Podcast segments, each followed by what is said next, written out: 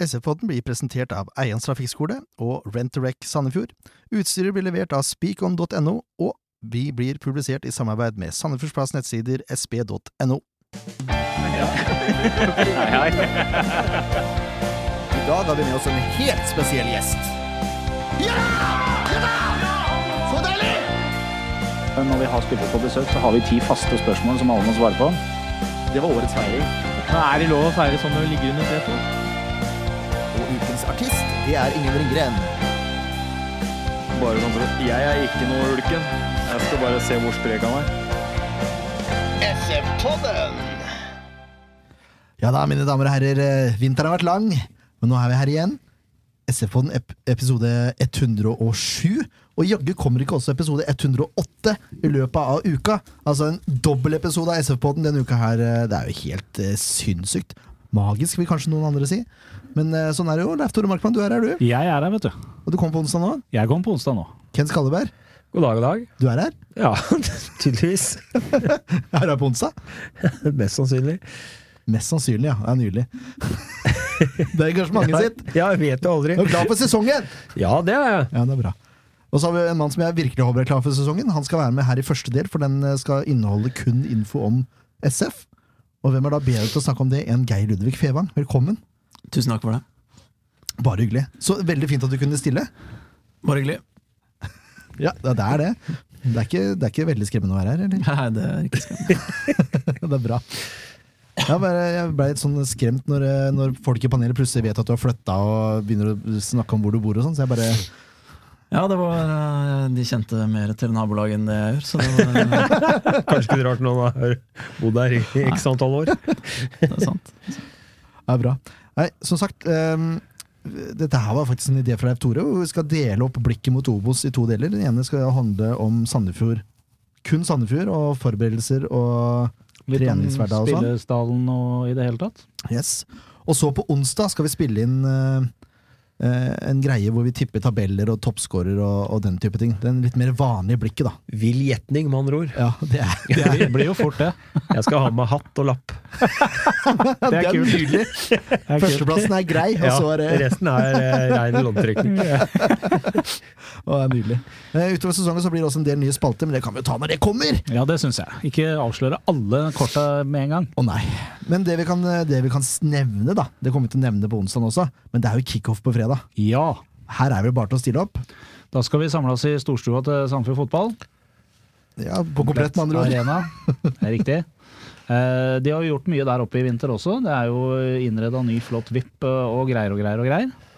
Så det blir eh, første store happeningen som skal skje der oppe. Det blir kickoff. Det som er litt kjipt med Nyvipen, er jo for meg og Ken, da. Det er ståbord, vet du. Skulle vært på NIP, vi. Ja, Not important people. det Men det er ståbord, så jeg og Ken må sannsynligvis stå på tærne da, for, å, for å se over borda. Men det får jo bare gå. Vi får klare det. ha med oss bruskasse. Ja, det kan vi ha! Det er så ryddig, det. Nei, men eh, vi kan eh, garantere at det blir litt av hvert som foregår på scenen, i hvert fall. Ja, det kan vi. Det kan vi rett og slett fordi vi skal være en del på scenen. Det skal vi også. Så det er, det er, jeg vet ikke om det skremmer bort folk. Eller Nei, det gjør det helt sikkert ikke. De kommer i utgangspunktet ikke for å høre på oss uansett. Nei, heldigvis. Det er ikke bare oss vi som skal prate, selvfølgelig. Nei. Vi skal ha andre folk på scenen nå, som, Ja kan, som kan sakene sine. Vi skal vel strengt tatt bare sy sammen dette greiene her på et vis. Vi får se, da. ja. Snakker om å sy sammen. Hvordan er hverdagen din nå, Geir Ludvig? Er det noen store forandringer fra fjoråret? Eh, nei, det er ikke så store forandringer fra fjoråret. Vi, uh, I treningshverdagen så fortsetter vi jo på mange måter i sporet som uh, ble gjort andre halvår i fjor. Selvfølgelig er det litt annerledes så lenge serien ikke har starta, men det vi gjør på treningsfelt og, og i hverdagen, er sånn sett ganske likt. Hva er, hva er dine oppgaver på treningsfeltet nå? Nei, Vi fordeler jo oppgavene oss imellom eh, på, i løpet av 90 minutter økt. eh, så der er det jo litt ut ifra hva vi gjør den, den og den dagen. Men eh, vi har en del hver, hvis du kan si det sånn, delt opp i tre. Meg og Jordi og Marti. Og så er det jo all planlegging i forkant og etterarbeid og, og, og sånt som tar mye av dagen. Analysearbeid tar masse tid. Mm. Og blir jo veldig mye mer aktuelt nå, når kampene begynner i seriesammenheng. Eh, det får jeg om ikke hovedansvar for, så er det mitt, min jobb å presentere det til spillerne, i hvert fall. Um, så det, det faller på mitt bord. Eh, Oppfølging av, av spillere. Enkelt, enkeltsamtaler eller, eller i gruppesammenheng. Ja. Eh, og en del andre ting som fasiliterer for Marti, egentlig. Så du har konkrete arbeidsoppgaver som er dine hovedoppgaver, på en måte? Ja, vi har eh, ansvarsområder som Så du kan peke tilbake på. Hvis det, er noe som, hvis det er noe som går på ræva, så kan du se hvem som var ansvarlig her. Ja, det var Geir Ludvig igjen. ja, men Det tror jeg er viktig. Sånn Har at man har, eh, ellers så kan det fort, fort flyte litt. Uh. Ja, jeg har på følelsen at det har blitt litt mer struktur der oppe nå i løpet av året som har gått. Ja, det har jo vært eh, en grad av struktur eh, så lenge jeg har vært på trenerkontoret. Lars var veldig strukturert, eh, men på sin måte. Um, og de gutta som har kommet inn nå, de er jo veldig strukturert og bruker mye tid i planleggingsprosessen for å få det enhver detalj sånn vi vil, da. Det, ja, det er, det er veldig strukturert, absolutt. Det er ikke noe å si om det. Har, har du fått litt lengre arbeidsdag nå, etter spanjolenes inntog? Ja, jeg er jo litt bundet av eh, barnehagebarn og åpningstider og den slags, så jeg må eh, dra stort sett fire-halv fem. eh, Men jeg vet at de Hvis jeg hadde henta i barnehage, kommet hjem, lagd middag og lagt ungen og dratt tilbake igjen, så hadde de sittet der fortsatt. Så om ikke jeg har lengre arbeidsdager, så har de veldig lange. Men så får vi jo helgene i tillegg, så det, vi er nok eh, Det holder. Vi er noen timer på kontoret. Ja. Det vil jeg tro. Det, jeg har forstått det sånn, eller så vidt jeg har forstått, det er kanskje bedre å si, eh, så, så er det litt annerledes oppkjøring for Sandefjord år enn det det er for typiske norske lag. da. Ja. Eh, det er ikke så mye fokus på løping, kanskje, som, eller altså re, ren løping, da, ren kondisjons... Nei, ren løping hvor du legger ballen vekk, nei. Men uh, løping med, med ball eller i spillsammenheng tror jeg vi gjør eh, Om ikke like mye, så, så Eller jo, unnskyld, om ikke mer, så i hvert fall like mye som andre lag. Men uh, rein løping uten ball eh, har vi ikke noe av. Det er ikke noe beep-test. Berykta beep-test. Ikke noe beep-test. Jeg var jo en uh, svoren motstander av det i alle mine aktive år, og så idet jeg legger opp, så er den ferdig. Så, Så du er egentlig født ti år for tidlig, da. på et vis. Hva, hva, hva, for, å, for å dvele litt ennå, så ikke du var noen fan av beep-testen, men du var vel ikke dårligst heller? Hva er det du pleier Nei, å ligge på der? Jeg har jo rekorden, da. Du har det, ja? Det Siste året jeg spilte, så tok jeg Det siste året du spilte.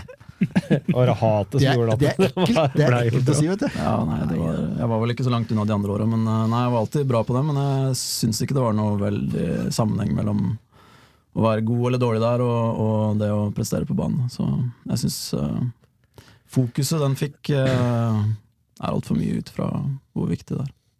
Men Er det et veldig norsk, syn- sånn norsk type test, eller fins det i utlandet òg? Det er jo opprinnelig fra England, er det ikke det? Jo, jeg tror det er eh, Jeg veit ikke om de løper sånne type tester nedover i Europa, men jeg vet at de gjør det i Skandinavia og i England, helt sikkert, siden den eh, kommer derfra. Men eh, Mm.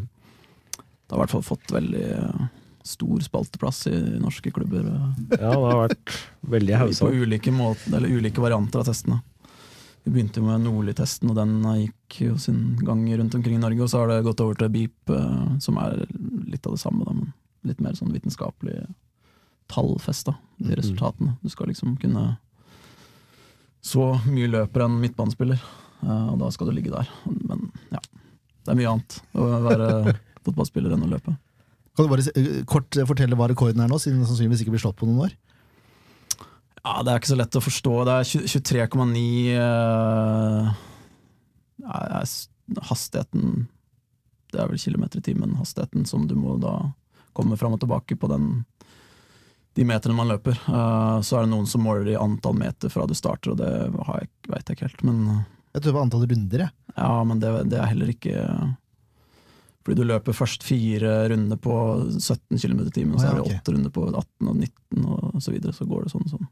Så helt opp til ja, 23,1, 23,2 og så videre opp til 24. Så 23,9 da. Stående rekord. Spennende. Spennende. Men det som er kanskje enda mer spennende, hva er det dere faktisk gjør da for å, for å bygge kondisjon? Hva er det dere har hatt fokus på i vinter?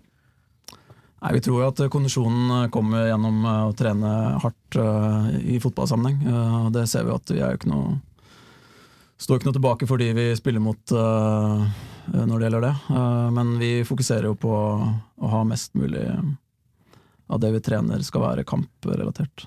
Det er vel egentlig hovedoverskriften. Så mesteparten av treninga på Sandefjord foregår med ball. All, all trening foregår med ball. Er det noe sånn spesiell teknikktrening? Nei, det, det er det heller ikke. Det var det jo, har det alltid vært. Det har vært sånn klassisk eh, oppdeling av treningene tidligere med, med en startfase som det Som har en sånn teknikkbit. Kanskje to-to går sammen og, og gjør noe greier. Og så er det en pasningsøvelse og en, eh, en spillbit og en større spillbit på slutten. Det har vært Det er det mange lag som eh, har oppskriften eh, som det. Eh, men eh, nå er det en lengre pretrening for å få kroppen i gang, og så går vi rett inn i, inn i en eller annen spillform ganske med en gang. Spen- Jeg avbrøt deg, Eiken. Skulle du si noe? Nei. Nei, jeg var på vei, men uh, glemte. Ja, Det var ikke meningen å avbryte deg. Altså. Nei, nei, det var, jeg var inne i sonen. det var ikke noe viktig. Det er bra. Ja, for det er, vel, det er vel spesielt å ha en nordmann som er, sannsynligvis har bedre teknikk enn de spanjolene som er her, da. Tenker jeg på deg. Ja,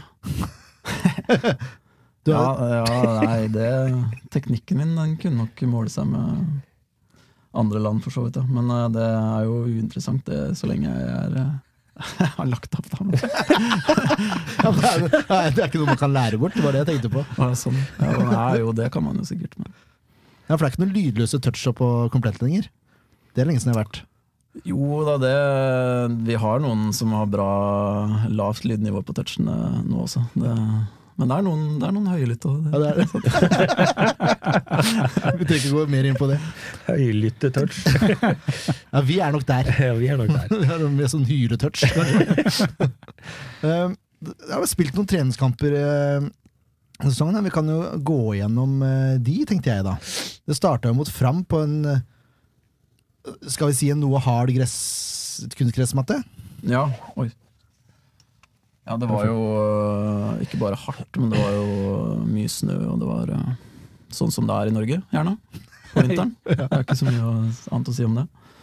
Eh, Det starta jo faktisk før det. Vi hadde en kamp i, i Tyrkia også, som øh, man må ta med, selv om det var øh, Ja. Den har du glemt. litt uoffisiell. Men det var nå likevel en kamp. Og det, hvem var det mot igjen? Nei, hvem var det? Det, var det russiske- var det russiske- russiske, russisk lag. Det var der dere vant. Det var Tien-seieren, Ja, ja. Det var den. Og så øh, kom vi tilbake til Norge, og da var det fram, ja.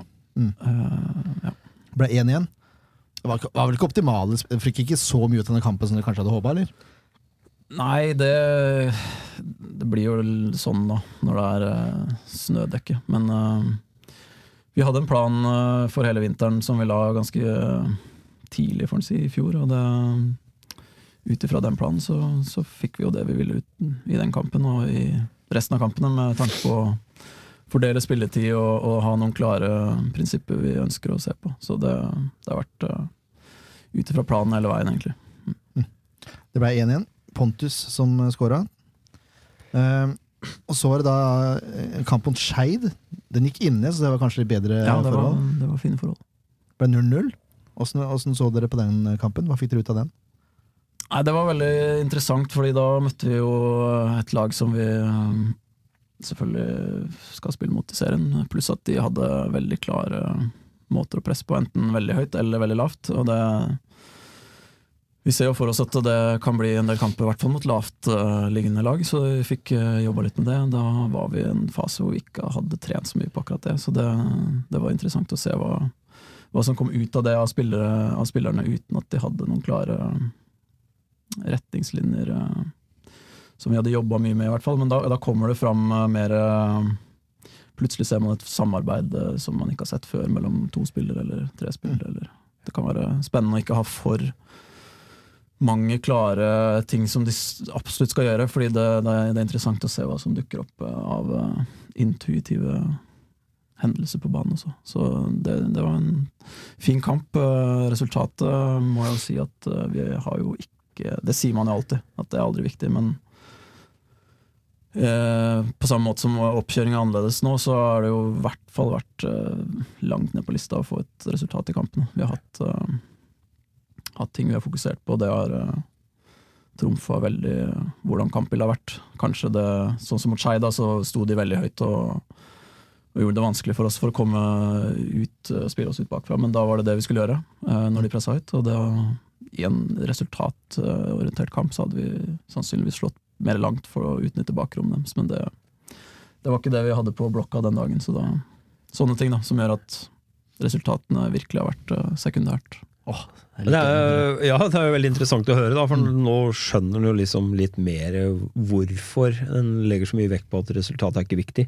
Ja. Jeg tror det er veldig mange som ikke ja, som Når de hører uh, Geir Ludvig forklare det her nå, så skjønner de kanskje litt mer hvorfor resultatet er jo viktig i en treningskamp.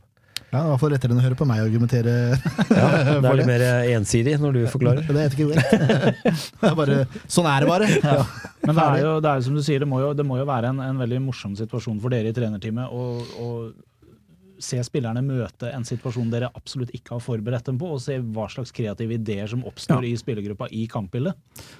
Ja, fordi eh, det syns jeg jo er kanskje noe av det mest interessante med filosofien til Marti. At fordi veldig mange norske trenere som jeg har hatt, eh, har vært eh, systembasert. Altså man, man spiller et system, og det vil si en 4-3-3 eller 4-4-2, og så har man noen, nesten noen sånne mønstre som angrepene skal gå etter. Eh, Men så er det jo alltid hundrevis av ting i løpet av en kamp som man ikke kan forberede spillerne på. Da må du jo Du er nødt til å lære dem til å håndtere ting som er uforutsett. Hvis Mm. ikke så, så vil man jo feile. For du kan ikke dekke alt i en plan. Så det å kunne ha selvfølgelig eh, klare planer på hvordan vi ønsker å løse ting, men innafor det så er det helt fritt på en måte for å la hver enkelts kreativitet og ja, intuisjon der og da ta over, eh, og applaudere den type aksjoner. Og det, den formen for pedagogikk og måte å innlære ting på, det er veldig spennende. Helt enig. Tenker sjæl-prinsipper er jo helt nydelig. Ja. Spesielt i fotball, hvor du faktisk trenger litt kreativitet for å, for å lykkes. Ja, åpenbart. Uh, Av samme grunn som jeg nettopp sa. At det, det er jo Det er så dynamisk og vanskelig å forutse, og det kommer hele tida nye ting som man står eh, overfor som spiller. Så da må man, kan man ikke drive og stoppe opp og leite i kartotekboka. Hva skal jeg gjøre akkurat nå? Nei. Du må, ha, du må liksom bare kunne trå til der og da. Eh, Jeg har satt opp sånn at vi kommer til å prate om resultater og sånn uansett. Ja, det, det er det. Ikke misforstå meg, vi, vi, vi vil jo Resultatene er jo viktige også. Det, sånn som I framkampen så var det jo noen situasjoner mot slutten der hvor vi eh, Altså, åpenbart, her må det noe mer til. Mm. Fordi det var, eh, det var litt pirk, og det var litt smått, og det var eh, Nå må vi, gå, nå må vi score, på en måte. Nå må vi vise at vi ordner vi vil. Men samtidig, det er ikke det det er ikke det det står og faller på, men den, den vinnervilja og kampvilja, den er jo Det er ikke sånn at vi bare legger det bort, men det, det skal på en måte ligge der uansett. Da. Men jeg syns jo du sa det bra når du sier at det er det, er det sekundære i treningskampene. Ja. Selvfølgelig det er viktig å få resultater, men, men det er ikke det som er det avgjørende for om en treningskamp har vært bra eller ikke. liksom. Nei, det, det er helt riktig. Det, det har jo vært uh, alltid sånn at uh, man går ut og sier det, og så når man vinner, så er det jo Yes, det var veldig, da, da var vi der likevel, men når vi taper, så er det jo Nei, det er ikke så viktig. Men nå har det faktisk vært knapt snakka om. Mm. eh, og i hvert fall ikke handla ut ifra et resultat i kampen, som vi da helt klart hadde gjort i seriesammenheng. Mm. Endra underveis, eller ja. Um, Så dro dere vel til, til Spania etter Skeid-kampen. Da var det Marbella, var det ikke det? Midten av februar? Det, ja, Jo, jeg innbiller det det. var vel den kampen der òg, mm. Mm, for da møtte dere Nomme Kalju eh, fra et eller annet land. Es Ja, Estland. estisk eh, Estisk. serievinner i fjor. Det var sånn det var, ja. Ja, det er flere ganger serievinner. Ja, ja, Estlands svar på Rosenborg. ja sånn det var. Um, der ble det da 1-0. Ja. Pontus skåra Ja. igjen. Um, hva fikk dere ut av den kampen? Nei, da var vi kommet til Vi delte vinteren opp i tre blokker, og, det, og da var vi i starten av blokk uh, nummer to. Um, hvor vi hadde litt andre forventninger til spillerne. Da hadde vi kommet oss gjennom eh, inn, innkjøringsperioden og, og forventningene til eh, altså fysiske krav. eh, ting man kan gjøre som koster mer krefter, skulle være mer på plass. Og så har vi det vi ikke har snakket om, er jo den spillmodellen vi har, som, vi, som gjennomsyrer alt vi trener på, og sånn vi ønsker å se ut i kamp. Da gikk vi dypere inn i det, og gikk inn i andre deler av den som vi ikke hadde vært innom tidligere. Og så var det nye ting som var i fokus, da. Eh, Siste tredjedelen hadde vi ikke vært innom så langt, og da var det det som, som var fokus, eh, mot eh, oppbygging bakfra tidligere. Så sånne, sånne forskjeller, da. Eh, og så da, tre der etterpå, så var det Viking. Tap. Ja. Eh, 0-2. Eh, da, du sier nå at dere, da var da dere var i gang med å begynne med det offensive på den siste tredelen. Ja. Var man fornøyd med utviklinga der da, etter den kampen?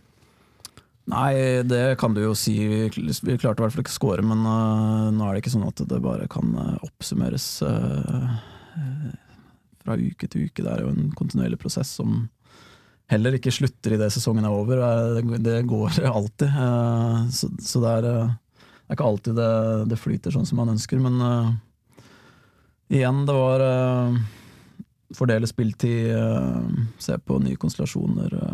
jobbe videre med det vi har trent på på, på felt osv. Så, videre. så du kan alltid velge å fokusere på det som eh, ikke nødvendigvis går så bra, men det var masse som fungerte bra også. Så det var i henhold til planen. Mm. Ikke, ikke å tape, men ja, masse antall. For dere kjørte en sånn 60-30-modell, var det ikke det? Ja, da var, det, var vi på det, og den første perioden så var vi på 45-45. Da bytta vi ved pause. Ja, for Det er det som menes med 60-30, at man, noen spiller, spiller 60 minutter, og så spiller noen 30, og så bytter man på da. Ja, Så er det neste, de som spilte 30, de spiller 6 neste kamp. Så det har vært ganske lik belastning for alle Ja, sammen. ja. Nydelig. Mm. Eh, siste kampen på Marbella, det var vel mot uh, Oi, Barampedica Linense. Det var litt av et navn. Real, til og med. Ja. Mm. Eh, man skårer to mål. Vidar, eh, Vidar Jønsson, han eh, Jeg Ja, da trodde han var back, men eh, Ja. han har blitt, blitt brukt mye som kant. Men han var kanskje back eh, i denne kampen her. Han var uh, vel Begge deler, begge deler, da. Ja. Begynte lurer på om- Begyn- Begynte som back, og så ble han tatt ut, og så satt inn igjen Ja. på midtbanen. Det er riktig, han har spilt Ja, jeg har sett de, jeg, vet du. På telefon. Ble dyr mobilregning, det. Fra Thailand. Han har spilt uh, back på begge sider og wing på begge sider tidligere, så Ja. han kan virkelig flere plasser. Og så er det gamle ringreven da Håvard Storbekk, som også putta det andre. Ja, Da kom vi tilbake i kampen. Vi lå under 2-0 til pause og var, veldig, var ikke fornøyd med første omgang. Og så kom den gjengen som kom inn da etter 60, de, de snudde kampen, og så tapte vi Ja. Mm. Vi slapp inn helt på slutten, tror jeg. Ja, ja stemmer det. Mm. Uh, så er man en liten tur tilbake inn, uh, i Norge. Uh, I en kamp som ble det var, det var en treningskamp for Eurosport også, så den ble jo vist på, på, på Eurosport. Eh, Mjøndalen SF2 igjen. Pontusen skårer igjen. Men der er det jo en eh, situasjon eh, som har blitt diskutert opp og ned og i mente, holdt jeg på å si. Hvor uh, Mjøndalen-keeperen er så uheldig at han brekker beinet i et sammenstøt med, med Rufo der. Uh, har dere hørt noe mer fra NUF angående det røde kortet Rufo fikk der? Uh, nei, jeg har ikke hørt noe i dag. Vil, det skal vel foreligge et svar på vår, vår anke nå veldig snart. Mm. jeg, jeg hørte intervjuet i pausa, og jeg spurte til og med Eurosport om det var aktuelt å spille 11 mot 11 i andre omgang også, bare for å få mest utbytte ut av treningskampen. Um, og det hadde visst dere diskutert også, fikk jeg inntrykk av. Ja, vi, vi Det var ingen som ville at den kampen skulle bli en 11 mot 10-kamp. Verken oss eller uh, Mjøndalen, utenom dommeren. Mm. Helt åpenbart. Ja. Så vi var enige med Mjøndalen at det var helt greit, men det var helt uaktuelt for uh, dommerteamet. Jeg syns det er så spesielt. eh, jeg- jeg- Han fikk, han fikk jo gjennomgå på TV òg, da. Men, men jeg, jeg, det er, nå kommer da min manglende forståelse av reglement osv. Jeg trodde dette er en treningskamp, en uoffisiell kamp som er arrangert mellom to lag for å trene fotball. Og så skal da en, en situasjon som, som oppstår der, den skal altså da medføre et rødt kort. Det er greit i kampsammenheng at han får rødt kort hvis dommeren mener at det var en rå handling, men altså han skal få en sanksjon av F NFF som gjør at han kanskje mister den første seriekampen. For meg så er det altså så borti vegger og staur dustete at det er helt Jeg skjønner ikke. Jeg skulle forstå det på en måte hvis han hadde gått inn med strake bein og grisetakla med det for øye. Ja, da er jeg enig. Ja, det er da- da- da- men ikke på måten det her eh, som du har eh, Du kan gå tilbake og se på klipp, og han er jo helt Han blir dytta i ryggen. Ja, han blir jo dytta i ryggen. Ja, og på toppen av det hele så er det noen som har hevda at uh, Mjøndalen-spilleren, eh, eller keeperen, da, som fikk sitt knekte bein, må ta sin del av skylda, han også, for han kunne avverga sammenstøtet, han også. Det er en duell, og og Rufo får en dytt i ryggen og, eller i sida, så det er jo det som utløser det. Så det er jo rett og slett bare uhell på uhell.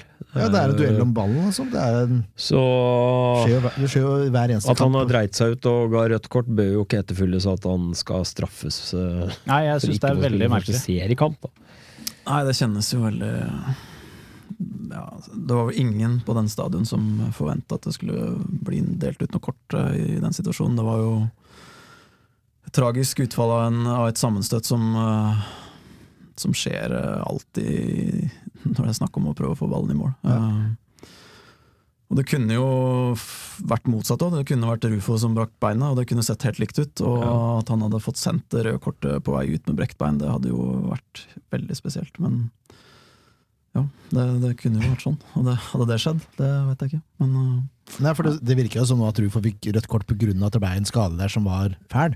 Ja, det er jo da det. tar man, tar man utgangspunkt i at det var en stygg greie, liksom. Det er en rar måte å dømme på, men eh, vi håper det går bra med keeperen til Mjøndalen, at han kommer seg raskt tilbake på beina. Ja, for si. all del. Ja, ja, i høyeste grad. Ja da, Men eh, det var vanskelig å konsentrere seg da i andre omgang, eller gikk det greit? Det ble jo en helt annen andre omgang enn det man hadde forutsett seg. ja, det blei Det var litt uh, vanskelig uh, på mange måter i løpet av pausa. Den blei jo brutt etter 35 minutter òg. Da, da det skjedde, så, så brukte de lang tid på på at helsepersonell skulle komme, så det, det ble en lang pause. og Da var det mange som uh, hadde ulike meninger om hva vi skulle gjøre og ikke gjøre. holdt jeg på å si. Uh, Men uh, vi kan jo, og kommer helt sikkert til å havne i en situasjon hvor vi spiller med ti mann, så tren på det og fant vi ut at det kunne være lurt uansett. Ja. Da hopper vi glatt over Eller positiv i det meste. Ja, Men at han skal få to kamper, det, det må jeg si er Ja, er det to utrolig. kamper det er snakk om? Ja, det er, altså, I henhold til reglementet så deles det ut uh, på samme måte sånn som i, i sesongen, men i treningskamp så strykes den ene kampen du får utestengelse for. Ja. Så hvis du får én, så ender du opp med null. Og da må den spilles på norsk jord, da antar jeg at det er det som teller. Ja, det er noe der også. Så det kan jo tenke seg at det hadde vært lurere for oss at en i, i trenerteamet hadde dømt, så slipper vi å forholde oss til sånne Ja, eller dommer med Altså, hjerne. Ja. Det er jo veldig ja, Nei, vet, Men han, si han, han fikk jo gjennomgå på Eurosport òg, da, dommeren. Er, eh, så- Som de sa, det går jo an. eh, Dommeren mangler jo komplett fotballforståelse. Ja, det er et eller annet som skurrer der. Men jeg, jeg, jeg orker, jeg Men, orker ikke å dvele. det. Det kommer sikkert andre avgjørelser vi kommer til å levere med. Ja. Skal ikke se bort ifra det. Da var det lei av kulde igjen og dro til varmere strøk nok en gang. Ja, da var det ja, tilbake til, til Spania. Og nå er det Barcelona. Ja. Og da møtte dere er det spansk tredjedivisjon? Er det sånn? Er fjerde nivå eller tredje nivå? Hva? Det var vel eh, Det var mye fram og tilbake med hvem vi skulle møte, og da eh, De vi skulle ha spilt mot, de trakk seg rett før kampen, så da var det et tidligere lag Marti har vært trener for, som, eh, som stilte opp nivå fem-lag i Spania. Ruby. Og den uh, gikk jo greit. Uh, Da ble det 1-5. Fikk noen skåringer. To av Mladenovic, to av Gibson. Ja. Og ett av Ofker. Ja. Det var vel positivt, sånn sett? Ja, da var uh, Det fungerte veldig bra, det vi har savna egentlig eh, mye av i fjor også. Eh, Det kjennes ofte ut som vi eh, Det skal mye til, til før vi scorer, og det skal lite til før motstanderen scorer, og det er jo ikke noe særlig heldig eh, oppskrift. Mens eh, den gangen her så var vi eh, Altså det er Bredden i, i Spania, bredden i Jeg opplevde sjøl i Belgia, og bredden rundt omkring i Europa er eh, helt uh, enorm. Så det å møte femte nivålag i Spania, det høres jo Det høres ikke veldig bra ut, men det var uh, tøff nok motstander. Men vi var veldig gode da vi nærma oss uh, deres mål. Som, det var veldig fint. Mm. Og vi skarpe. Bra. Um, og så var det da San Cristobal. De er fjerde nivå. Ja, eller tredje Ja, Tredje. Ja, jeg, jeg er usikker, jeg, jeg jeg spør. tredje. Ja, der ble det også fire mål scora. Ja. Tre sluppet inn, da, men allikevel. Uh, og der var islendingen på plass igjen med to mål. Ja, da var han uh, Da var han kant. flytta opp som kant, eller da spilte han som kant, ja, og det Vi har uh, Jeg syns vi har vært eh, Tidligere har vi kunst, kanskje argumentert eh, mot at vi har vært eh, et lag uten altfor mye fart, og det, det har vi veldig mye av nå. Det er veldig artig. Eh, Og Vidar har stor fart, og Bris på bekken bak han har veldig stor fart. Eh, Anton Venstresida stor fart og løpsvillig og angrepsvillig, så med Briss og Vidar på høyresida i den kampen her var det trusler hele veien. Og han skårte to mål, og det var veldig, veldig bra. Mm. Og Pontus har, eh, har kommet i gang, han også. Ja, han har uh, skåra jevnt og trutt i vinter og vært uh, på oppadgående hele veien, så fått trent bra og ser, ser bra ut. Lukter Obos, vet du. Ja, han har, vært, han har grei statistikk i Obos. Han har det. Det Han skal har han ha. fantastisk eh, statistikk der òg. Men du nevnte noen fra trenerteamet. Var det ikke noen fra trenerteamet som var dommer i, i Barcelona her? Jo, det fikk prøvd meg som dommer der òg. Og så hadde du Sander Risan som linje, Ja. linjedommer. Sander og Mjelle var uh... Ble det noe kort? Uh, nei, jeg, nei, jeg slapp å dele litt kort. Jeg prøvde å holde en lav profil og, og være anonym. Det er jo en dommers uh, En god dommer har man ikke tenkt så mye på i løpet av en kamp. Så det, ja. Hadde bare tre, tre CS i lomma.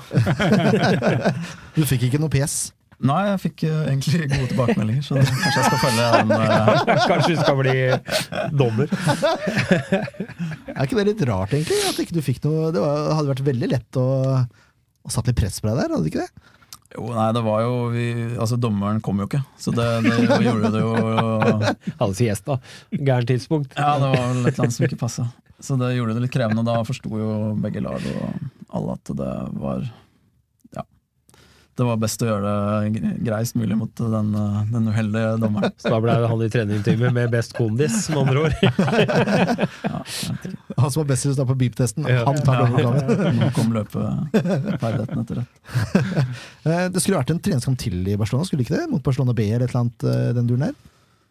Jo, det var eh, flere lag også der som var inne i bildet, men det, det også blei dessverre. Det trakk seg lag uh, en masse, så det, til slutt så var det vanskelig å finne For de er vel i sesong er ikke? Jo, det er sesong, og Barcelona B de var jo klare, de, men der fikk de eh, to, om ikke tre, korsbåndskader mm. rett før. Så da, da kunne de ikke fordele troppen på den måten de hadde som var nødvendig da, for å ta den kampen her. Så det, det var jo litt kjedelig. Det, Dere har ikke noen internkamp eller noe før noe KFM, eller? Nei da, det blei ikke noe Vi forsøkte jo å få motstander helt til siste slutt. Det skulle jo være avslutning på den leiren og siste kamp før, eh, før sesongstart. Og da da vi kom hjem, så var det fri noen dager, så, og så en normal uke nå opp mot KFM. Så det Nei, vi, vi valgte å se bort fra det. Da tenkte jeg vi kunne gå litt nærmere inn på, på troppen. For Ja. så god dekning som det er eh, per dags dato, er det vel sjelden eller aldri Sandefjord har hatt. Ja, det, det tror jeg nok er riktig, ja. Det er 25 spillere registrert, er ikke det? Jo. Og da måtte man sende Herman Solveig Nilsen på lån også for å få Ja. 25? Ja. Det begynner å nærme seg noe. Ja, det er, eh, det er jo mange, og flere enn vi har vært eh, så lenge jeg har vært eh, med. Og det er kanskje til og med uvanlig størrelse i, i norsk sammenheng. Ja. Men da har vi jo vi har god dekning på alle plasser, ja, som har vært et ønske. Eh, vi kan ta de nye spillerne først, da, siden de er litt ukjente. Vi har fått Bugge til å beskrive dem, men nå, nå har dere trenerteamet sett i en stund siden vi intervjua Bugge, Mm. vil jeg tro. Eh, kan du begynne eh, bakerst, da, med Walter eh, Vitala. Han kom jo litt seinere inn. Ja. Er det ikke litt ironisk at han da ble erstatta av Ingvar Jonsson, og nå Jo, det har jo gått så- eh, litt eh, rundt der. Det, ja, det er jo litt ironisk, men det er jo ikke noe Det er vel bare tilfeldig mer enn ironisk, kanskje. Ja, kanskje. Men nei, Walter har vært og er Han er jo en veldig sterk karakter med litt sånn keepermentalitet. eh. Ja, det er noe særegent. Ja, det er jo det. Og det er kanskje noe de, de enten er, eller i hvert fall blir i løpet av karrieren. Fordi de er litt Urias post og står, står der aleine og, og trener mye aleine. I det lille teamet de er. Så da må man være hard i nøtta og, og hard i kroppen. Så, og Walter er den typen der. Han er eh, han både hører du og, og, og ser og, og merker eh, som, som utespiller. Ja, det er Ja, bra. men det er deilig. Det lover godt. Ja. Han er tiltenkt førstekeeperplassen, eller? Ja, det er vel ikke noe tiltenkt eh, sånn, men uh, sånn det ser ut nå, så, så har han uh, Uten å avsløre noe som helst, så, men det ser vel ut som han har eh, Er litt foran de andre der akkurat nå, ja. Godt politisk korrekt svart, likte jeg. Eh, Så har vi jo eh, Bris, da, ikke Price, som jeg eh, og, og flere med meg, tydeligvis, har trodd han het. Men det er Bris med Bangomo. Bris Mbangomo, ja. Det, han har vært eh, Han har sett veldig bra ut, syns jeg. Med veldig atlet. utrolig tempo og akselerasjoner som er høyere enn det vi har hatt tidligere. Det vil si altså eh, ja, hvor fort han eh, øker tempoet fra A til B. Det, det kommer veldig godt med. Det er mye stopp og stans i fotball. Der er han eh, der er han sterk, og så har han et fryktelig tempo framover og kommer hele tida. Så litt sånn som Stian Ringstad holdt på med i fjor på venstresida, har han mm. gjort i løpet av vinteren. Bare enda mer eksplosiv. Enda mer eks eksplosiv. ja. Er han like god med ball i beina, da? Eh, han er nok ikke så sle... Stian var jo veldig slepen, Mm. Uh, men uh, han, er, han er absolutt kapabel med ballen. ja. Ja, Så, så han har, han har fulgt jo med Han har jeg, vi, fulgt med i mange sesonger, og, og nå Nå ble det sånn at vi fikk muligheten til å hente han, og det, det kjentes ut som et Ja, det er veldig fornøyd med det. Han herja godt med dere i Ja, treningskampen i gjorde år. Det husker jeg, for den var vi så på. Det er helt riktig. Da, ja. Og så har vi da Vidar eh, Ari Jonsson, som vi har vært innom allerede. Det er, eh, jeg trodde egentlig Bris og Vidar var konkurrerende, men eh, de er jo ikke bare konkurrenter, alt jeg bare si. Nei, det, det kan du jo si at de, at de i utgangspunktet er på tiltenkt En av de tar den høyrebekkplassen, men Vidar har jo da som sagt kunnet brukes på andre steder òg, og, med- med de ferdighetene han har, så har det vist seg spennende så langt. Uh, så får vi se hvordan det blir til slutt, men uh, han kan spille flere steder òg. I hvert fall de treningskampene jeg har sett, så når jeg har fått sett de fleste som har vært streama, i hvert fall, så har han gjort veldig gode figurer på, på høyre midtbane. Ja, Han har det. Mm. Han har uh, Voldsomt bra skuddbein òg, Ja, med begge bein, ikke minst. ikke minst. Det er spennende. Og eh, type, ligner han på Bris, eller eh, er han litt annen type? Ja, de er litt like.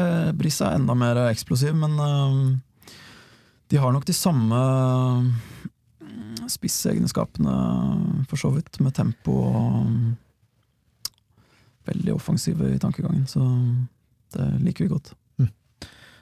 Da har vi tatt høyresida, da kan vi gå over på venstresida. Der har vi jo um, Anton Kralj. Eh, Ble henta fra Malmö. Mm. Ungdomsavdelinga, var det sånn? Andrelaget? Eh, Han har vært eh, leid ut eh, til ulike Det er jeg ikke helt sikker på. Gjevle, i hvert fall. Mm. Så han har spilt eh, seniorfotball, eh, men i eh, Superettan ikke så mange kamper for Malmö, tror jeg. Men eh, har hatt A-lagsfotball de siste par åra. Type spiller.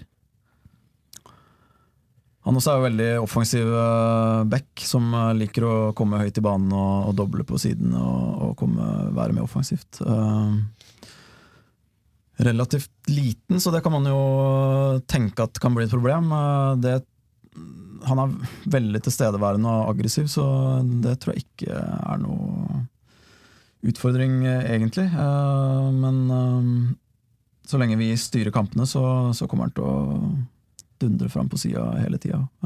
Og det, det også ser veldig lovende ut. Uh, Ja. Vi så jo hvor viktig det var i fjor med venstrebacker og høyrebacker som kommer framover. Med Ringstad som eh, eksempel på det i fjor. Så det har vi ønska å utvikle videre. Ja, for det har jo vært litt mangelvare tidligere. Ja. I hvert fall den type backer, ja. Ja. Stian Ringstad var et unikum. da. Ja, var- Han, jeg mener seriøst han er den beste venstrebacken Sandefjord har hatt, med all respekt for alle andre, men eh, det er noe jeg aldri har sett før, eh, egentlig, i Sandefjord-trøya. Ja, han var jo Han løste jobben sin veldig bra. Han, han eh, ble bare bedre og bedre utover høsten også. Eh, Har hatt litt trøblete år, men fikk jo en bra høst for oss. Det vil jeg si. Men Anton, jeg ser for meg han som en sånn type spiller som jeg hata å spille mot, som en sånn klegg. Som det alltid er der. Terrier. Ja, går, beina går raskt og, og er uh, piler rundt, så ja, han er litt sånn type. Grusom type, vet du. ja, det er off. Jeg fikk helt noia av det, husker jeg. Um, på venstre side så har vi også Stefan Mladenovic. Ja, Stefan kan jo spille på begge sider uh, framme. Uh, også veldig tempo, uh, som kanskje sin fremste egenskap. eh, og har den eh, egenskapen at- han kan løpe i stor fart eh, ned mot linja og legge gode innlegg. Det er jo veldig fint. Eh, og så starter han inn bak hele tida. Det vi, er noe vi har sett at vi har trengt tidligere. Vi har hatt spillere der som har vært mer mot ball. Vi har ballen i beina, som Pau var, og som uh, Ofkir er til dels. så vi har, vi har hatt et ønske om å få ulike karakterer da, som kan uh, ut ifra kampbildet gjøre det vi er interessert i at de skal gjøre. Han er bra avslutter òg. Han er det, han, eh, også med, med begge bein, men han har jo spilt mest på venstre og kommer inn og skyter med høyre. Men han, han kan også fyre av med venstre. Sandefjord svar på Harald til Brapak. Det hadde vært noe. Kanskje han har det. Uh, og så har vi Alberto Ortiz Moreno. Han har vi ikke sett så mye til, uh, fordi han har ikke spilt noen særlig av de treningskampene som har blitt streama. Men uh, hva kan du si om han? Han har jo øh, vært øh, på veldig bra nivå i Spania i mange år. øh, har øh, stor grad av rutine og veldig sterk spiller når det gjelder å forstå hvordan en kamp utvikler seg. og Påvirker de rundt seg på en veldig god måte. Ledertype og ja, har veldig ro i spillet sitt. Så han har vi gleda oss til skulle bli eh, skadefri. Han var jo med i den kampen eh, mot det russiske laget på, i Tyrkia. Ja, den 10-1-kampen. Den 10-1-kampen, Og så fikk han en eh, strekk i leggen som har eh, tatt de ukene det har tatt. Og så har han kommet eh, veldig sterkt eh, og fint eh, inn eh, i løpet av Barcelona-turen. Så spilte den ene kampen der nede. Så han er eh, oppe og går. Han er oppe og går. Mm. Men ja, det var det jeg skulle spørre om. eh, Er han eh, tiltenkt en leder jo sentralt? Lederskikkelse? Er han, er han typisk ballfordeler? Ja, han er ballfordeler og den uh, sekserrollen, den dype, balanserende midtbanerollen. Ja. Som, uh, Utrolig som, viktig med god rutine og overblikk, da. som er på en måte det midtstoppernes uh, skjold foran seg. Og Mm, mm. den som linker opp spillet fra bakre fireren og videre i banen. Så Mm. en uh, balansespiller òg. Eh, I motsatt enn av det, da. I T-rollen er vel eh, Tobias Svendsen tenkt. Ja, han, eh, han er jo Han kan absolutt bekle den rollen der. Han kan også spille på, på sida, men som en annen type enn f.eks. Stefan, som er mer opp langs linja. Så er Tobias inn, innoverkant og åpner opp for Beck, som har jo vært veldig bra med de type bekkene vi har. Mm. Litt mer som Pau, da. Litt mer som Pau, ja. Mm. God i mellomrommet, god til å vende opp, sette fart, uh, sette opp andre. Uh, teknisk veldig sterk, uh, kvikk. ja, veldig bra i trange rom. Eh, så helt annen type, men uh, ut ifra kampbildet så kan, så kan det være nødvendig med det. Da. For i hvert fall inntrykket mitt av en som river og sliter litt i motstanderen og er litt køddende kødden å spille Ja. mot. Liker å ha motstanderen tett på seg, og Det- ja. liksom spinner rundt dem. Ja, også tross alt sin unge alder, og veldig fysisk sterk.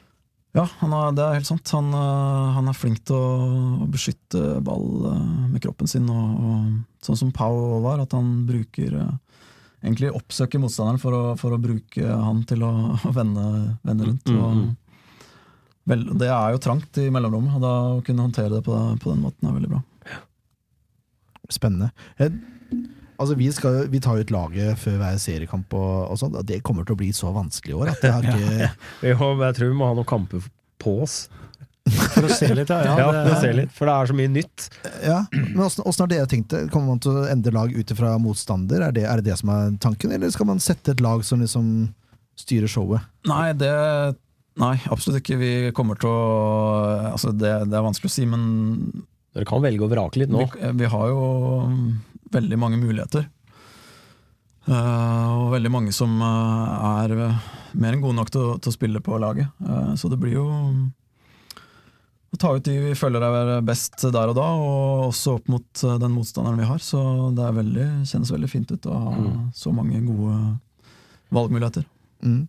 Keeperplassen tror vi den, den er jo som regel fast. Når du finner en keeper, så holder det venn, så lenge han er skadefri. Men altså, midtstopperplass er jo vanskelig å velge. Der har du tre svært gode kandidater. Eh, I Reima og Grorud og Valais. Og så har du også eh, Høybråten. Høybråten òg, ja. Du har glemt han, du. ja. Han hadde jeg faktisk glemt et øyeblikk der. Surre. Er han skadefri nå, eller? Høybråten? Han, eh, sånn som eh, Tito, som Ortiz Mm. går under, han spilte den siste kampen nede, på, nede i Barcelona. Mm. Så han også er klar. I tillegg til Sander Moen Foss. Sander som har hatt en veldig fin vinter. eh, flott utvikling. Ja, jeg syns de kampene jeg har sett Sander spille, så har han jo tatt store steg. Mm. Ja. Også, Men er vi- har Virker vi- ikke som noen unggutt noe mer, for å si det sånn, i måten han opptrer. da, Så han Nei. stopper veldig ro med ball og overblikk. og Ja, tatt veldig ansvar Ja. eh, i den fasen der. ja. så det, det har imponert meg mye, det jeg har sett han. Mm. Så har han nesten blitt fem år eldre i huet på Ja. en vintersesong. Hvordan er skadesituasjonen nå? Eh, Nei, nå ser det jo bra ut. Det er jo Emil som er langtidsskada. Uh, og så Marius uh, og Tito har vært uh, som sagt eh, litt sånn eh, sakte, men sikkert eh, innrullert. Og de svarte godt eh, i den kampen vi fikk. De skulle jo ideelt sett fått én kamp til, men, eh, men eh, da fikk de i hvert fall ikke muligheten til å bli skada, for å igjen se det positive i det. Men de er i full Eh, trening? Så de er, ja, de er, ja, ja, absolutt. Så det, det er egentlig bare Emil som er ute. ja, og så er Fella og også er Ja. litt sånn uh, Han er ikke helt på gang inn Fella, vet du! Tenk når han kommer tilbake, da! altså, ja. Ja. Åssen skal man klare å velge? Det må, ja, jeg, jeg skjønner ikke. Det, må, Blir det seine kvelder? Det blir mye analyse da, for, for din del. For Ja, å kunne klare å plukke ut det beste elveren her. Vi får kjøpe noen lakrispiper til deg, da. Du får kose deg med under analysen. Ja, nei, det er jo bare bra det, da. At, eh, at det er sånn. Alle, selv om alle vil spille, så skjønner du jo også at uh, det beste for enkeltspilleren enkeltspillerne er jo at det er god konkurranse. Da vil man jo strekke seg hele tida. Så, så det er jo sånn man vil ha det. Og når det er vanskelig å ta ut laget, så er jo det bare, det er jo bare positivt. Nå nevnte vi midtstopperne. Eh, på høyre side så har du da Bris og, og, og Vidar. Eh, I tillegg da til Reima, som egentlig kan, fungerte jo veldig bra der på høsten i fjor. Ja. Og på venstre side så har du, så har du Anton og Erik Mjelde. Er det noen flere der som Det var noen som lo av meg i fjor når jeg sa Erik Mjelde kunne brukes som back. Ingen som lo av det? Dere to var ikke veldig enige. Kalte den potet. Kalte den Det er potet. jeg som sa det. Han er blitt såpass gammel nå, så han er glimrende som bekk. Ja, Erik Mjelde er Beckham, har vi, har vi, fikk vi svar på på SFO. Det sa vi ikke i fjor.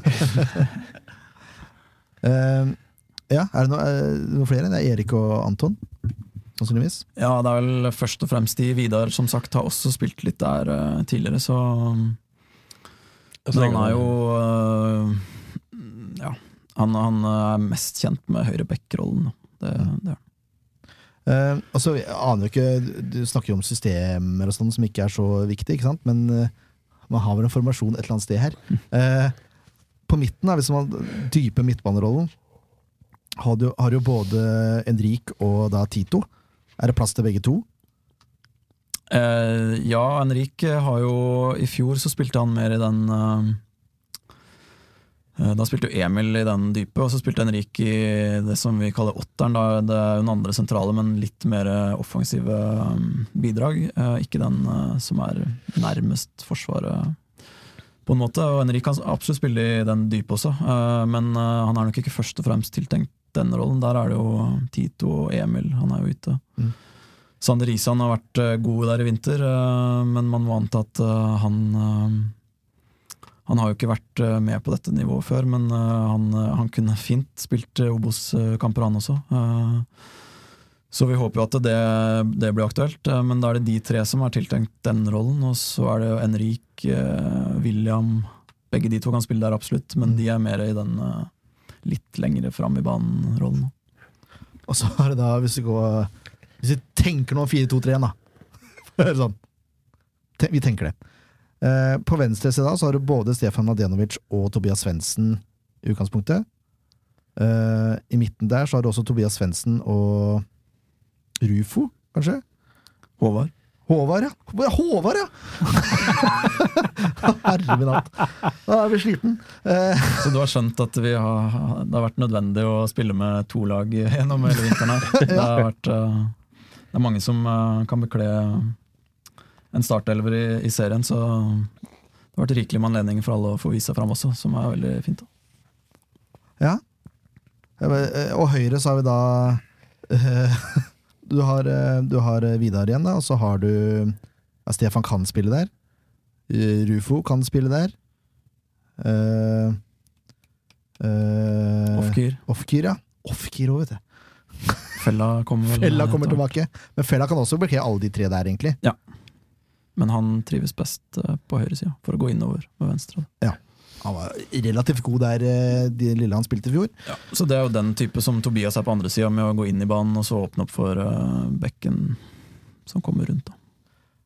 Opp topp så har du da Pontus, George og Rufo kan jo spille der. Han har spilt veldig lite spiss i treningskampene, Rufo. Ja, han har Ja, det er sant. Han har Han begynte der mot Mjøndalen, men så, så ble det endringer underveis. øh, også av skaden sin, da, men, han, men vi endra litt tidligere i kampen der også. Øh, da var Pontus tenkt på venstre for å skjære inn inn fra den rollen, og Rufo som øh, nier. Øh, men han har spilt mest øh, i tierrollen. Altså. Det er bare til å, det er bare til å begynne å glede seg, folkens, for det, det her blir slagkraftig uansett. Uansett hvem som spiller, så er det jo slagkraftig Obos-lag. Altså, dere har egentlig to slagkraftige Obos-lag nå. Ja, det kjennes øh, sånn ut. Det er, øh, mm, det er riktig. Ja, kan vi si at jeg sjelden har vært så positiv til oppstarten av en sesong som jeg er i år. Ser på sånn spillemateriellmessig, så er det, lukter det svidd. Altså. Sandefjord fotball har vel aldri hatt en så bred stall hvor man så å si dobler alle Nei, posisjonene. med i tillegg da et så høyt nivå. Ja. Ja, det er nivået, det er nivået jeg tenkte på i stad ja, Ja, det. At det, det kan du ikke ha vært før. Selv ikke da du spilte. Nei, i hvert fall ikke da. Nei, men det er, det er sant. Det er, det er helt andre helt annen Så det har blitt gjort veldig mye riktig i, Ja, i spillelogistikken her. Ja, det har jo Jeg har ikke opplevd at det har blitt snakka så mye om uh, utad, uh, den, uh, den jobben som har vært uh, gjort med spillelogistikken. Og det Marti har kommet inn med veldig mye endringer i, i treningsarbeid og i, i tankene rundt det, men han har jo absolutt hatt hovedansvaret når det gjelder spillelogistikken, og der har han imponert meg veldig med å først skaffe seg veldig god oversikt over det norske markedet på Ja, altså Det gikk jo veldig fort, og han hadde jo ikke noe han kunne jo ikke forutsette at det skulle skje, så han hadde jo ikke noe grunn til å, å vite så veldig mye om eh, norsk fotball før han kom hit, og da gikk han jo rett inn i et overgangsvindu. Og skaffa seg veldig god oversikt, og gjorde mye smarte handler i fjor. Det var eh, Vi solgte jo mange av spillerne som gikk ut på kontrakt, eh, og, altså, mm. og fikk penger for de. Spillere som kanskje kunne gjort en eh, Nei, stryk kanskje. De kunne helt sikkert, eh, helt klart, gjort en god jobb videre i SF, men de, eh, av ulike årsaker så så ble det tatt det valget at de, at de skulle fortsette karriere andre steder, og da få penger for spillere som har seks måneder igjen av kontrakten. Det, å få inn de spillerne vi gjorde, og så også i tillegg gå i pluss økonomisk, det var Det var god, eh, god handelvirksomhet, eh, og det samme har vi gjort nå. Så det, det syns jeg fortjener mer oppmerksomhet, eh, den jobben han har gjort der. Han har fått ganske mye skryt av oss. For jeg Ja, tror ikke det er noen trener i Sandefjords historie som har treffet så godt som det Marti har gjort. I hvert fall i fjor. Nei, men så, så virker det nå som første gangen i historien at nå er det Virker som han har fått så stor respekt som trener så tidlig. Skal jo ikke bare han, det er jo hele teamet. da At nå er det plutselig attraktivt å spille på Sandefjord. For at han Ja, filosofien da til trenerteamet er helt annerledes. Det er veldig unorskt. Så jeg tror det er Det trigger spillere mer å, å spille i et system og en litt sånn unorsk type fotball. da Det virker sånn. Ja, det At det kan være litt mer attraktivt. Mm. Selv om det er Obos. Obos. Mm. Ja, vi, vi merka jo ikke noe sånn nedgang eh, i ønsket om å være hos oss, eh, Nei. selv om vi rykka ned. Det var jo mange som eh, kunne, utenom Stian, som tok det valget. Vi ville jo ha han med videre, men han, han valgte å gå til Strømsgodset, og det, det forstår man jo, men det kunne man jo tenkt at mange andre ville ønske å, å velge også. Men mm. alle ville være hos oss, så det er veldig gledelig. Og da, da, da gjøres det riktige ting. Ja. Det gjør det. Så eh, klapp på skuldra til dere for det. Ja, det. Lærer mye du òg, da. ja, ja, absolutt. Blir ikke kjedelig hverdag da. På ingen måte. Uh, vi nærmer oss slutten nå. Dette er tross alt del én. Ja. Del én på en time. Det er ikke så halvgarantert også å være. Uh, jeg, jeg spurte etter lyttespørsmål, fikk ikke inn så mange, men jeg fikk et fra, fra Arne Kristian Hansen. Uh, vi nevnte litt med systemer og sånn i stad. Han mener at stallen i år passer veldig til å spille 4-3-3. Eh, ha, hvor mange alternativer er dere har, egentlig, sånn formasjonsmessig? Nei, det Vi eh, snakker jo veldig lite om det, da. Om formasjon. eh. Det ser jo ut på en eller annen måte når vi, vi setter opp laget på en plansje, men, men det er eh, ulike arbeidsoppgaver, og det er eh, noen som har uh, f.eks. en sekserrolle, den, den er jo der, og så er den åtteren eh, enten litt dypere eller litt høyere. 4-2-3-1, så er han litt, litt dypere. 4-3-3, så er han mer indreløper. Og vi er vel en sånn variant mellom 4-2-3-1 og 4-3-3, kan man si. Med to breie kanter. Noen ganger så går de inn i banen, og da ser det jo ikke helt sånn ut igjen. Og så ja, Andre ganger så er de bredt og skal eh, holde bredden hele tida for for å forhindre deres bekker i å gå fram. Det brukte vi en del i fjor, med, med Pontus og Ofker på siden, og de skulle være helt bredt, høyt. Og så var Ufo såkalt falsk nier og kunne vandre fritt rundt omkring. Ja, og hva man skal kalle den formasjonen der. eh. Men eh, vi har, vi har nok eh, Man kan gjerne si at vi har spilt 4-3-3 mye i vinter og har eh, har en tropp som kan eh, bekle det tallmønsteret som det tross alt bare er. Men eh, igjen, vi har spillere som kan uh, Vi kan sette det opp i veldig mange varianter, så vi skal i hvert fall ikke bli begrensa av et eh, tallsystem. Ja, det, er, det er jo musikk i mine ører. Ja, det er, Ja, det er jo ingenting jeg forakter mer enn at man, man skal spille på en viss måte. Det skal ikke så mange åra tilbake før man hadde en tresko som absolutt skulle spille på en viss måte. Og jeg syns det er befriende å slippe Slippe den tankegangen. Ja, det er, det er Ja, for det blir mer kreativt. Det blir mer, det blir mer artig å se på. Jeg tror, jeg tror det kommer til å dra mennesker på stadion nå. For å spille Fifa så er tallkombinasjonene viktig. For det, Ja, dere jeg har ikke så stor kontroll over, eh, over arbeidsoppgaver. Du har det da, men det er ikke alle som gidder å Jeg spiller bare skytespill. Men poenget er jo det at eh, ved, ved å, å gjø- ha en sånn eh, spillefilosofi som, som Marti har, og som han har gjennomsyra laget med nå, det er jo at kampbildet er jo mye mer dynamisk for Sandefjord fotball enn det noen gang har vært. fordi det er så, det, er ikke så viktig å holde tviholde på de eh, posisjonene som man kanskje har i et helt fastlåst system. Eh, Tenke kreativt, eh, flytte seg i banen på en annen måte, bruke styrker og, og svakheter mye mer skal vi si, bevisst da, i, i et kampbilde. Så jeg, jeg tror det her blir en kjempesesong. Men det her er vel mer, du som har vært og spilt i Europa, det er vel mer vanlig modell eh, i sydover i Europa enn eh, Det er jo Ja. ikke noe uvanlig der. Nei, han er nok eh, ganske langt framme når det Det går jo å være innovativ og se flere muligheter enn begrensninger i et, i et oppsett. Men akkurat den å tenke så veldig tallkombinasjoner er i hvert fall veldig Det var det ikke så mye av i, i Belgia der jeg spilte. Det var jo det er jo en grei måte å, å, å si hvordan laget skal stille opp eh, fra start, men det, det er jo så mye mer enn det. Så vi er litt, eh, litt vel opphengt i det, syns jeg. Ja, jeg er helt enig. Vi skal forlate for å slippe nå snart. Jeg bare, det er to ting jeg lurer på. Én. Hvilken spiller mener du at eh, publikum bør se opp for i år? Hvem er det som, som virkelig kommer til å bidra sterkt for Sandefjord i år, tror du?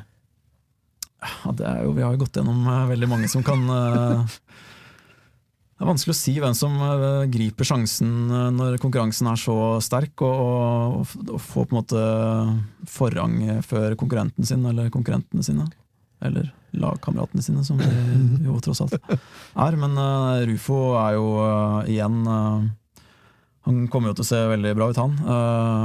Så jeg gleder meg veldig til de eh, ferdighetene vi har på backplass. Å Og komme med stor fart og angrepsvilje på sidene, det, det gjør at vi får en helt annen dybde og tyngde i, i laget. Så, og hvem som tar den jobben, det, det er vanskelig å si, egentlig. Men uh, Briss uh, syns jeg ser veldig spennende ut. Anton det samme. Uh, Tito kommer til å bli uh, han, eh, han er god. Tenk om Sandefjord blir det første laget i historien som faktisk får backer som de største profilene. Altså Det ville vært eh, revolusjonerende for hele fotballen. Hadde det? um, helt til slutt, hvordan går det med, med Sandefjord Obos i? Ja, det er jo Hva skal jeg si til det? Vi har jo som mål å rykke opp, det er ikke noe legge skjul på det. Og vi syns jo sjøl at vi har en, eh, en stall eh, og en, en måte å jobbe på som, eh, som skal konkurrere bra med de vi konkurrerer mot. Eh, Men eh, det er, det er tøffe, tøffe hverdager i Obos. Det er KFUM i første kamp blir Ja, det blir knallhardt. De har mange spillere som har spilt i Eliteserien før, og det er Selv om vi har eh, 25 gode spillere, så er det bare 11, 11 vi skal stille opp med i kamp. Så det, det blir jevnt uansett, men over en lang sesong så tror jeg vi skal Jeg blir overraska hvis vi ikke er med helt der oppe. Nydelig. Hvorfor skal folk komme og se Sandefjord på søndag, da, Grøvik? Nei, Vi har jo venta en stund på seriestart nå, og nå begynner været å bli bra, og, og banen er grønn og, og begynner å se fin ut. Vi eh, har gått gjennom laget og, og kjenner at det ser bra ut, tror jeg. Eh, Altså, laget er satt. Eh, nei, altså laget, da snakker Ja, jeg om, sånn, ja. om eh, El troppen. Elveren er ikke satt. Nei, elveren er ikke satt, Nei. eh, nei. Men uh, jeg syns vi jeg syns vi ser fine ut, og det blir uh, morsom og underholdende fotball. Og jeg håper jo at eh, publikum eh, kommer og støtter oss og, og lar seg underholde av det vi, det vi har å tilby. Så ja, det er en ny vår i SF eh, på mange måter, og det, det håper jeg folk eh, får med seg. Det bør de få med seg. Jeg er helt enig. Eh, Denne kampen også, den første hjemmekampen blir kalt Sammen for Sandefjordkampen. eh, Hvor alle medlemmer av valgklubben Runar kommer gratis inn. Så det er jo verdt å, å få med seg. De skal vel hylles litt òg, så vidt jeg har forstått. Jeg tror det er et eller annet her, ja. Det er tross alt de to klubbene som gjorde det her mulig. Så det, det gleder jeg meg til. Jeg håper å se mange ballklubben Runar-folk der. For å se hva Om ikke de var med å skape, men i hvert fall hva som ble skapt ut ifra klubbene deres. Det er nydelige greier. Det blir bra. Yes. Nei, det, det var det vi hadde i del én. Eh, del to, der skal vi prøve oss på Obos, som jeg sa i stad. Vi får besøk av NTB-journalist og programleder for Radio Tønsberg, Kristoffer Hjalmarsson. For de som liker han, så er det bare til ledelse. For du, vi som ikke liker han, så, så får vi bare holde ut. Nei da, Hjalmarsson er fin. Han liker å melde litt. Bedre til å tippe enn de fleste av oss her også, så Han er ikke redd for, å si, han er ikke redd for å si hva han mener. Nei. skal man følge et tips, så følger, følger dere det fra Hjalmarsson. Og så sier jeg det nå, ikke når han er her, for det, det tror jeg er lurt. Jeg høy på bæra. Ja, nettopp. Hei, tusen takk for at du tok deg tid til å komme, Gløvik. Alltid veldig hyggelig.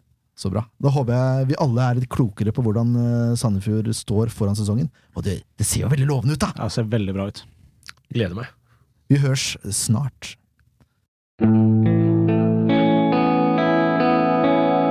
Podkast av Blanke ark medieproduksjoner.